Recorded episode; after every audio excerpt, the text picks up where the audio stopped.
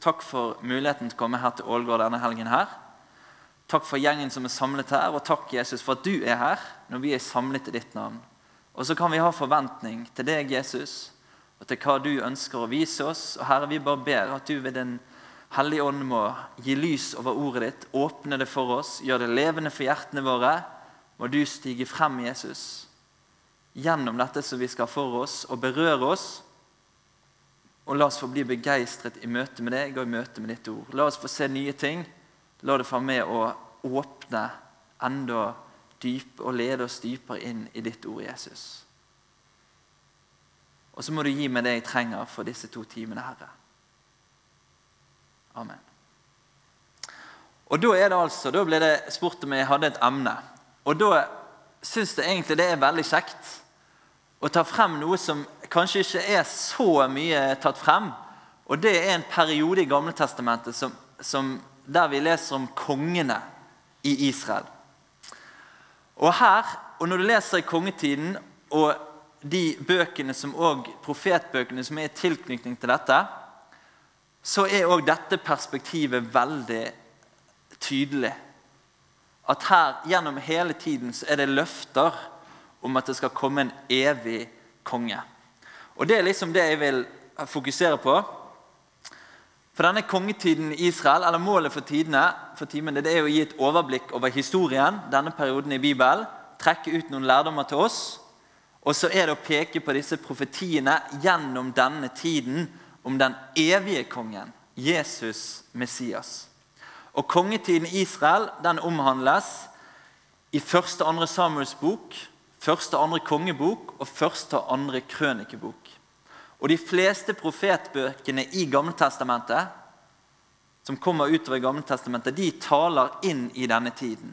Da var det altså profeter som virket på ulike tider i kongetiden. Og så en liten oppsummering før vi kommer til dette.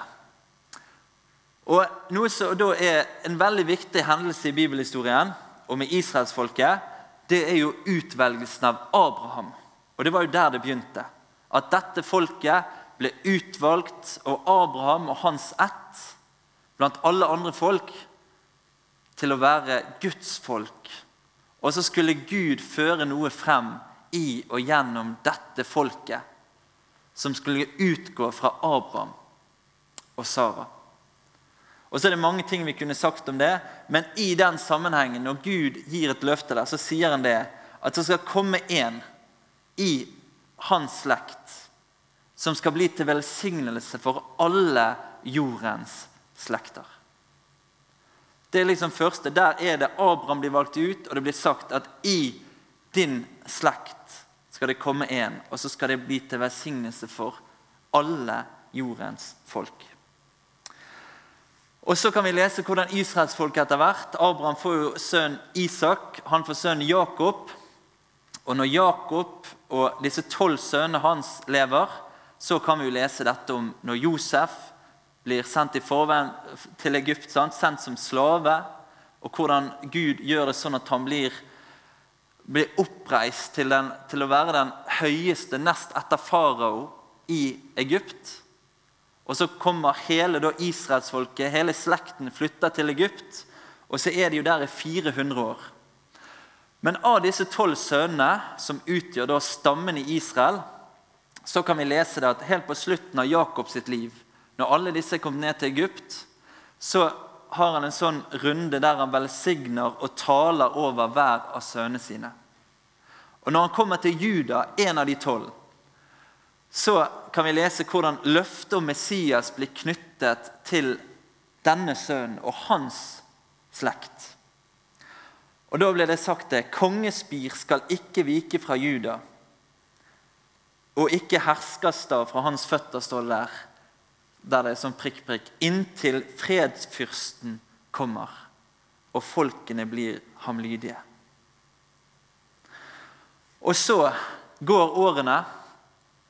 Og så kan vi lese om ørkenvandringen. Og I ørkenvandringen så skjer det jo mange ting. Disse 40 årene når de er på vandring der før de skal inn i løfteslandet. Og En av de tingene som skjer, det er at, at en fiende av Israel leier inn en som heter Biliam, som da var en profet. Og så vil han betale Biliam for å forbanne israelsfolket. Og så sier advarer Biliam og sier at 'jeg kan ikke si noe annet om dette folket enn det Gud sier'. Og Så tar han dem med opp på et høyt fjell, og så ser de utover den hele store en slette der Israel har slått leir. Og så forventer Balak, kongen i Midian, eller Moabit-kongen Balak, at nå skal Biliam forbanne dette folket. Og så gjør han ikke det. Han velsigner. Og så sier han at dette er et folk som er velsignet av Gud. Og så taler han òg, og profetisk så sier han Jeg ser ham, men ikke nå. Jeg skuer ham, men ikke nær. En stjerne stiger opp av Jakob. Et spir løfter seg fra Israel. Og Da ser han på en måte inn i framtiden til dette folket, og så sier han det. At jeg ser han, men ikke nå men det skal stige opp en. Et spir av dette folket. En stjerne skal stige opp av Jakob, av israelsfolket. Og så Den neste perioden så er det at Israel da inntar løfteslandet. Og så begynner dommertiden med det. At de har da dommere som er ledere for folket. Og I denne tiden så er det ingen sånn direkte profetier, men du har noen forbilder på Jesus, og du har typologier som er det at du møter på en måte personer med Jesus-likheter. Og disse dommerne de er jo reist opp som frelsere, så det er jo på en måte et sånt forbilde. Hvordan de berger folk, blir reist opp av Gud. Og du har flere andre ting som kunne vært tatt frem der. Og så er det da at i slutten av Dommernes bok, inngangen i første Samuels bok, da står vi ved inngangen til den tiden vi skal ha fokus på. Og det er kongetiden. Og Da skal vi slå opp eh, en tekst. Dere som har Bibel. Så er det første Samuels bok, kapittel 8. Første Samuels bok, kapittel 8. Og Da står det sånn fra vers 1. Så skal vi lese litt. Da Samuel ble gammel, satte han sønnene sine til dommere over Israel. Hans førstefødte sønn het Joel, og hans andre sønn Abia. De dømte i Bersheba. Men hans sønner vandret ikke på hans veier. De søkte bare egen vinning og tok imot gaver og bøyde retten. Da samlet alle Israels eldste seg og kom til Samuel i Rama. Og de sa til ham, 'Nå er du blitt gammel, og sønnene dine vandrer ikke på dine veier.' Så sett nå en konge over oss til å styre oss, slik som alle folkene har. Men det var ondt i Samuels øyne når de sa, gi oss en konge til å styre oss. Og Samuel ba til Herren. Da sa Herren til Samuel, lyd folket i alt det de sier til deg. For det er ikke deg de har forkastet, men det er meg de har forkastet, så jeg ikke skal være konge over dem. Slik har de gjort helt fra den dag da jeg førte dem opp fra Egypt og til den dag i dag. De forlot meg og tjente andre guder. Og nå gjør de slik mot deg også. Men lyd nå deres ord. Du må bare vitne alvorlig for dem og varsle dem og hvordan han vil bære seg at, den kongen som kommer til råde over dem. Så talte Samuel til folket som krevde en konge av ham, og la fram for dem alle Herrens ord. Han sa, slik ville han bære seg at, den kongen som kommer til å råde over dere. Sønnene deres vil han ta og sette dem til å stelle med vognene og hestene sine. Og de skal løpe foran vognene hans. Han vil sette dem til høvdinger over 1000 og høvdinger over 50. Til å pløye åkrene og høste avlingen hans. Til å lage våpen til hans kriger og utstyr til stridsvognene. Døtrene deres vil han ta og sette til å lage salver og til å koke og bake. Han vil ta de beste jordene og vingårdene og oljehagene deres og gi dem til sine tjenere. Av åkrene og vingårdene deres vil han ta tiende og gi sine hoffmenn og sine tjenere. Trellene og trellkvinnene deres, de beste unge mennene deres og eslene deres vil han ta og bruke til sitt arbeid. Av småfe deres vil han ta tiende, og dere selv skal være treller for ham. Da skal dere en dag rope til Herren på grunn av den kongen som dere har valgt dere. Men den dagen skal Herren ikke svare dere. Men folket ville ikke høre på Samuel. De sa, Nei, vi vil ha en konge over oss. Også vi vil være som de andre folkene. Vår konge skal styre oss, og han skal dra ut foran oss og føre våre kriger. Da Samuel hørte alle folkets ord, bar han dem frem for Herren. Og Herren sa til Samuel, Lyd deres ord og sett en konge over dem. Så sa Samuel til Israels menn, Gå hjem hver til sin by. Så Utgangspunktet her og innledningen til denne tiden i bibelhistorien det er at folket sier at nå vil de ha en konge til å råde over seg. Og En grunn var jo at disse sønnene til Samuel de var ikke like gode dommere som han hadde vært. Men det kommer frem til slutt at hva en hovedting det var også det at de ville være som de andre folkene. De så rundt seg og så så de at alle disse andre folkene som bor, nabofolkene våre, de har konger til å styre over seg. Det vil vi òg ha. Men så helt fra Gud kalte dem, og når han taler til dem i Mosebøkene og gjennom Moses, så får de nettopp beskjed om at dette folket her, de skal være et annerledes folk. De skal ikke være som de andre folkene, men de skal ha Herren som sin konge. Og så sier han det til Samuel, at nå er det meg de har forkastet, sier Herren. Men så lar han de få en konge. Og Før det så vil han bare advare dem, og så blir det listet opp sånn som dere hørte, alt det negative som vil følge med å få en sånn jordisk konge til å herske over seg. Alt han vil kreve, alt det beste vil han ta til seg sjøl. Og de kommer alle til å være slaver for han, treller. Og så er det bare som de lukker ørene sine og så sier de, nei, vi vil ha en konge. Vi vil være som de andre folkeslagene. Og så blir det sånn Ok. Og så får Samuel oppdraget til å salve konge til israelsfolket. Og først så er det Saul som blir valgt ut. Og Saul, han, og det er noe underlig der, for han var av Benjamins stamme. Men dette løftet om Messias det er jo knyttet til Juda lenge før. Så der er det på en måte, Men han er konge først. Men så blir han forkastet av Gud pga. utroskap hos han. Og så er det David kommer inn. Og David han er av Judas stamme, født i Betlehem. Og da er vi på en måte kommet inn på det riktige på en måte profetiske sporet som følger det som Jakob profeterte så lang tid før. Og så befinner vi oss ca. 1000 år før Jesus ble født. Og så er det David som blir konge, og han er den store kongen i Gammeltestamentet. Og Han regjerte i til sammen 40 år, syv år med hovedsete i Hebron, 33 år i Jerusalem. Det var i den tiden de inntok Jerusalem og gjorde det til hovedstad. Og Under kong David så ble Israel en stormakt i Midtøsten. Og så kan vi lese hvordan David han ønsker å bygge tempel for Herren. For Inntil da så var det jo i tabernakelet at ofringen hadde skjedd. Men han, ønsker, han syntes det var for galt at han hadde bygd seg et flott hus, mens Herren bodde i et telt. Og Så får han beskjed det. Du får ikke bygge det. Du har ført for mange kriger, utøst for mye blod. Men din sønn Salomo, han skal få bygge. Og Så kan vi lese hvordan David begynner å samle inn materialer og alt mulig for å hjelpe til at dette skal skje.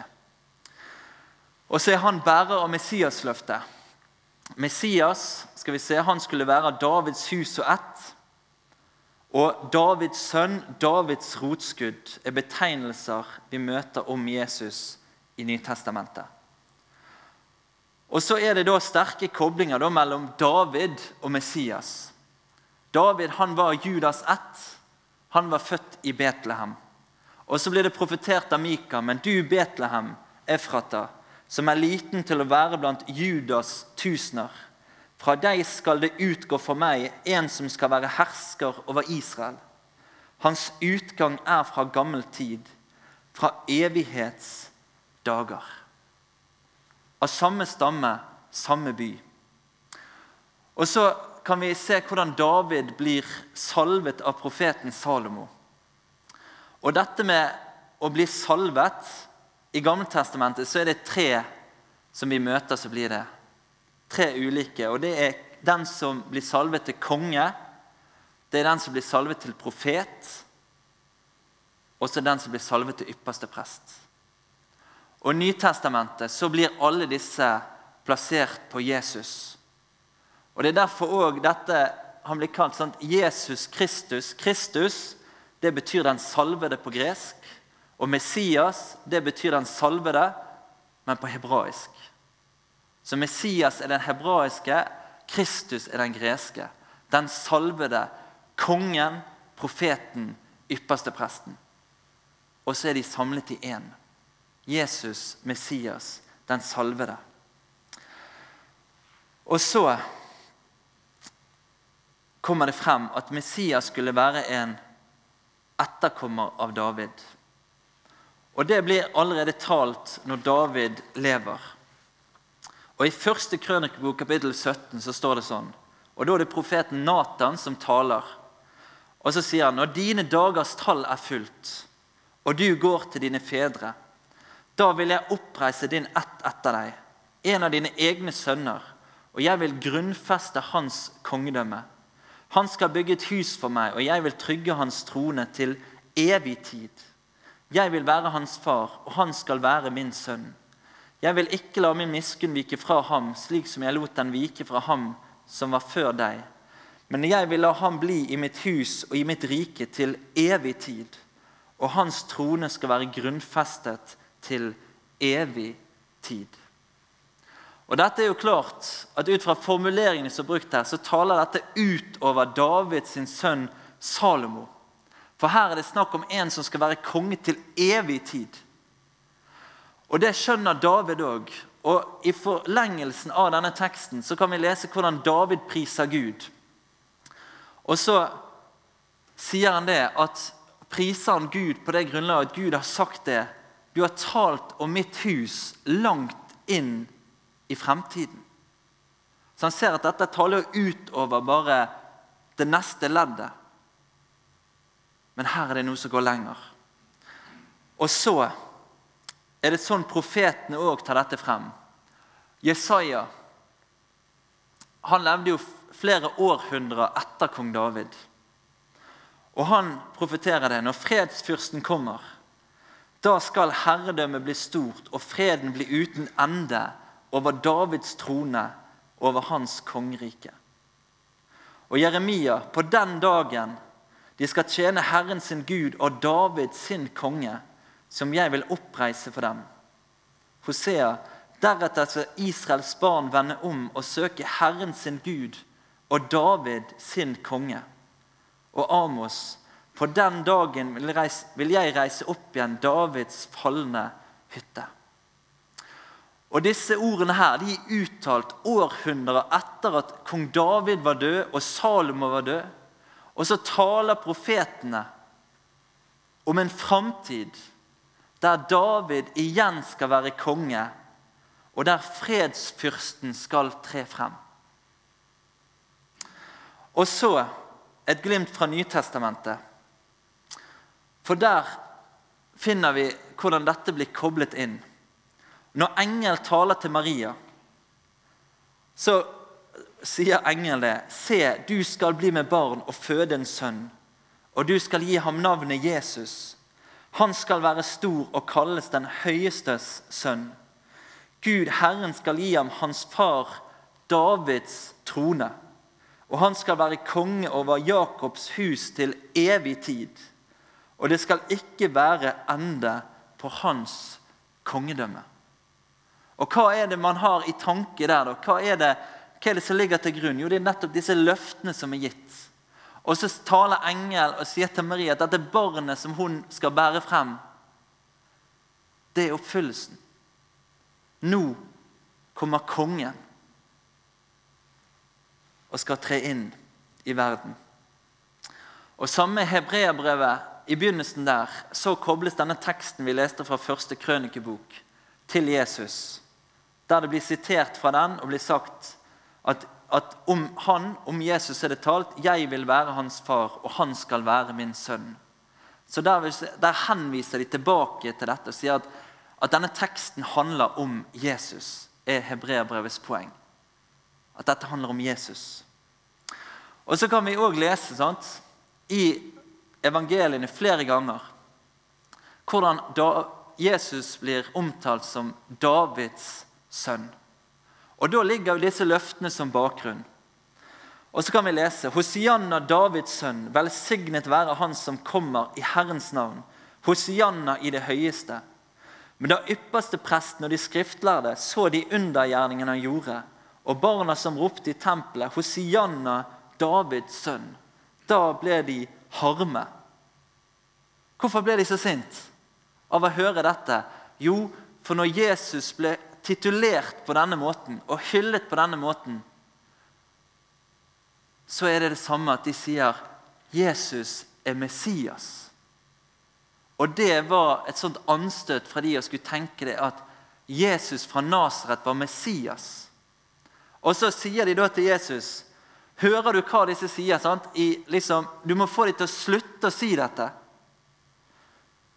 Og så sier Jesus bare til dem ja.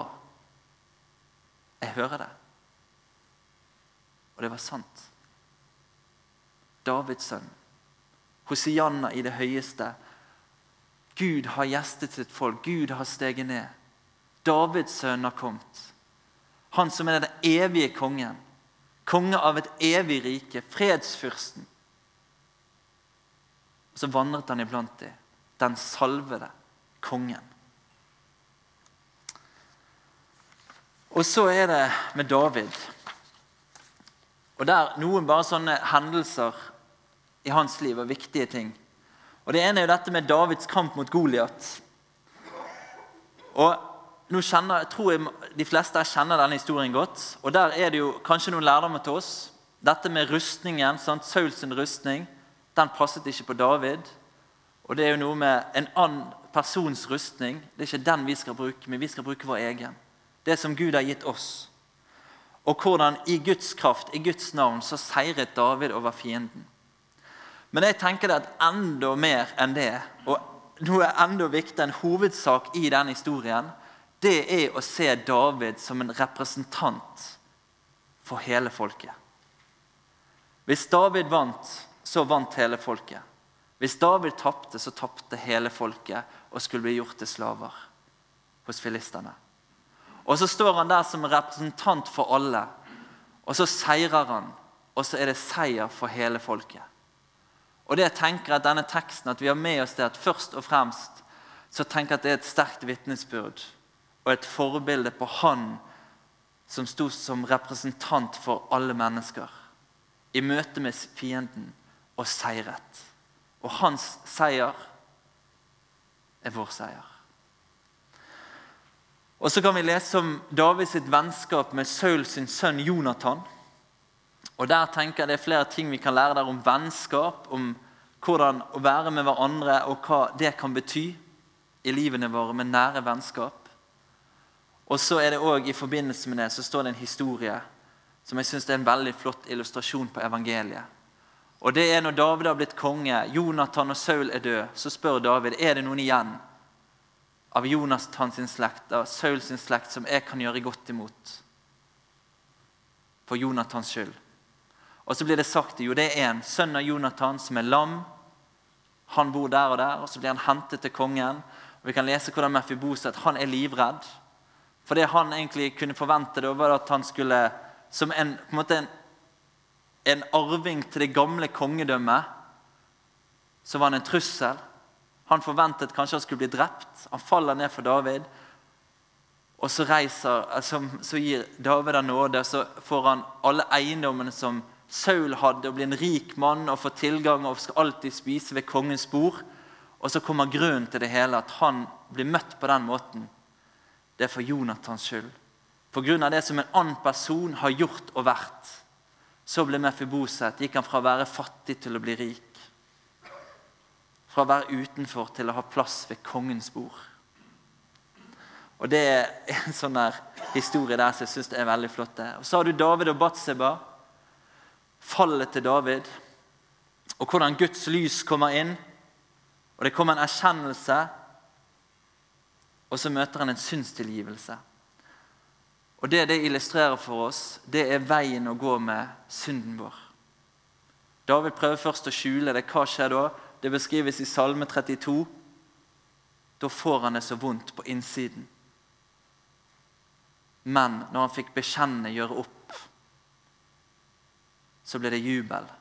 Så ble det noe nytt. Det illustrerer for oss veien å gå. Og så salmedikteren og profeten David. For David han har jo en del salmer. Og De skildrer hvile, klage, synd og oppgjør, lidelse, ransakelse, lovprisning. Og egentlig så skildrer David erfaringer fra en troende sitt liv, indre liv. Og Det er jo derfor vi kan kjenne oss igjen i Salmenes bok. Det skildrer sant, reelt tro, liv fra opplevd liv. Og så har David flere messianske salmer.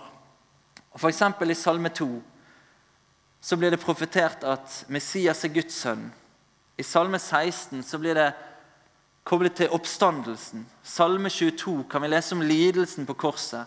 Salme 110 så kan vi lese hvordan Messias er Davids herre. I Salme 118 så står det om hjørnesteinen. Og Så blir disse forskjellige tatt frem i Det nye testamentet. Salme 2 tas frem i Hebreabrevet i begynnelsen. Salme 16 blir tatt frem av Peter. Nå vet jeg ikke om vi skal ta oss tid til å lese det, der, men i, når, når, Peter taler i Apostelens gjerning kapittel 2, så understreker han hvordan Salme 16 taler om Jesu oppstandelse. Og så sier, understreker han at David var en profet. Rett profeterte David. Og Det samme sier David sjøl i 2. Samuels bok 23. Så sier han at Herrens ånd taler gjennom meg, og hans ord er på min tunge. Så David, i tillegg til å være konge, så var han òg en profet. Og som talte profetisk gjennom flere av disse salmene. Og I Salme 22 så blir det tatt frem i forbindelse med korsfestelsen. Salme 110, og der tar vi oss tid til å lese opp, i Matteus 22. Bare for å vise et eksempel der.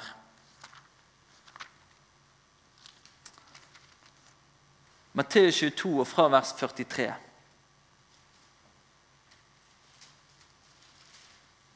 Vi leser fra vers 41. Så står det men mens fariseerne var samlet, spurte Jesus dem, hva mener dere om Messias? Hvem er han sønn av? De sier til ham, av David. Hvorfor det? Jo, fordi det var profetert. Veldig tydelig. Davids sønn. En sønn av David, en etterkommer av David. Og så sier Jesus, han sier til dem, hvordan kan da David i ånden kalle ham herre? Han sier jo, 'Herren sa til min Herre:" 'Sett deg ved min høyre hånd, til jeg får lagt dine fiender til skammel for dine føtter.' Når nå David kaller ham herre, hvordan kan han da være hans sønn? Og ingen var i stand til å svare ham et ord.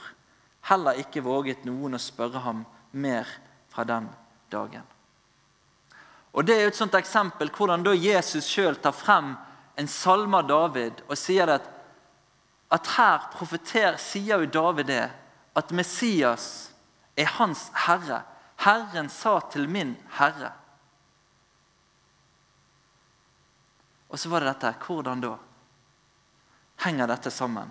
Og så blir det tatt frem som en profeti. Og i Salme 118 dette med hjørnesteinen, som ble forkastet av mennesker men som er utvalgt og dyrebar for Gud. Og så er det etter dette så blir kong Salomo, eller Salomo konge etter David. Og I den forbindelse, når Salomo blir konge, så taler Herren til Salomo. Og så han at, sier han at Salomo kan be han om hva han vil. Og så sier Salomo, så gi da din tjener et lydhørt hjerte til å dømme ditt folk, til å skille mellom godt og ondt. Det var godt i Herrens øyne at Salomo hadde bedt om dette.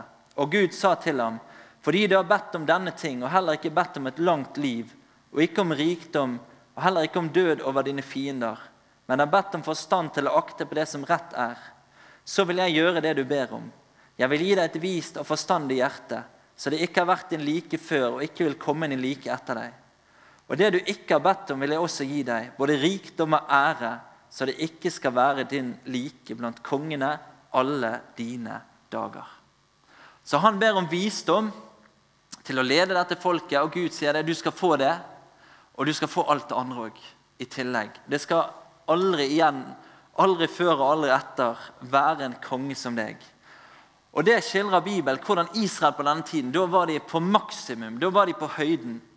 Og Her er et kart som da viser på en måte hva, hva dominans de hadde i dette området på denne tiden. her. Hvordan de hadde erobret nabofolk, hvordan de hadde allierte, hvordan de hadde sånne vasalkongedømmer som betalte skatt inn til kong Salomo. Og så blir det skildret. Juda og Israel var så mange som sanden ved havet. De åt og drakk og var glade. Salomo rådde over alle kongerikene fra elven til filistrenes land og like til grensen mot Egypt. De kom med gaver og tjente Salomo så lenge han levde. Og så fra kapittel 10 i første kongebok. Kong Salomo ble større enn alle jordens konger i rikdom og visdom. Fra alle jordens kanter kom folk for å se kong Salomo og høre hans visdom, som Gud hadde lagt i hans hjerte. Og Det er jo i denne sammenhengen her at dronningen av Saba kommer langveisfra fordi hun har hørt rykter om denne kongen i Jerusalem. Og Så sier hun det når hun kommer der, at hun trodde ikke det hun hadde hørt. Hun trodde ikke at dette kunne stemme. Og Så er hun på omvisning i hele i palasset hans og får se alt det flotte som er i Jerusalem og bygd opp der. Og får lytte til visdommen, stiller spørsmål til Salomo og får sånne svar som gjør at hun sier det. At det ryktet jeg hadde hørt, det var ingenting. Jeg hadde ikke hørt halvparten. Og så ender det med at hun priser Israels Gud, som har gitt dette folket en sånn konge, og som har velsignet dette folket på denne måten. Og så blir det skildret en enorm rikdom på denne tiden. her. Og det blir i andre kongebok nå står ikke dette her, men sagt, Der står det at sølv ble ikke regnet som noe i Salomos dager. Og det står det kongen gjorde sølv og gull i Jerusalem like så vanlig som stein, og sedertre like så vanlig som morbærtrærne i lavlandet. Og da snakker du inflasjon. Når det blir så stor opphopning av gull og sølv at det er liksom like så vanlig som stein. Gullklump, stein. Det er så mye av det. Og det blir skildret at på ett år så kom det 666 talenter sølv inn til Jerusalem. Og det tilsvarer 34,2 kilo. Ett talent tilsvarer det. Og det er altså, I løpet av et år så kom det nesten 23 tonn med gull inn til hovedstaden i Jerusalem, til kong Salomo. Sant? Og den enorme rikdommen som ble bygd opp der. Og I tillegg til det så står det at det kom, kom skatt fra handelsmenn, kjøpmenn, og nabokongene kom med gaver. Og alle disse stattholderne som man har satt til å styre, sant? de òg ga inn. Så det er bare en sånn enorm rikdom som skildres. at her, Det blir en sånn opphopning om i Jerusalem. Og så skildres Salomo sitt eget palass. Og Der blir det skildret hvordan han hadde en kongssal. Og i den kongssalen så var det altså en trone, en stor elfenbenstrone. Og Han kledde den med rent gull. Tronen hadde seks trinn og en fotskammel av gull som var festet til tronen. Tolv løver sto det der. Én på hver side av de seks trinnene. Utskjærte løver oppover. Og på toppen der så satt altså kong Salomo på kongstronen. Så det må ha vært helt vanvittig syn, det der, og hvordan det der, hvordan det der var. Og så blir tempelet i Jerusalem skildret i første kongebok 5-8. Og Der var det jo Salomo som bygde. og Her er en illustrasjon av hvordan det kan ha vært. Og Da var jo hele denne enorme tempelplassen der det står to, to moskeer og forskjellig sånt, det var, jo, det var, jo, der det var tempel, og så var det forgården. Og der i den forbindelse, Det bare synes jeg er litt interessant, men da blir det stadfest, eller liksom tidfestet at i det 480. år etter Israels barns utgang av landet Egypt Da begynte han å bygge huset for Herren. Altså liksom kronologien, så, de, hadde liksom, de hadde kontroll. Hvor lenge etterpå? Jo, da begynte de å bygge. Og så står det òg en detalj som er veldig spesiell, og det er at alt ble kledd i gull. Av disse enorme mengdene med gull som de hadde tilgang på. Så helt vanvittig. Og dette tempelet det var jo Guds bolig på jorden. Og tempelet og tabernakelet det er jo på en måte uttrykk for det samme.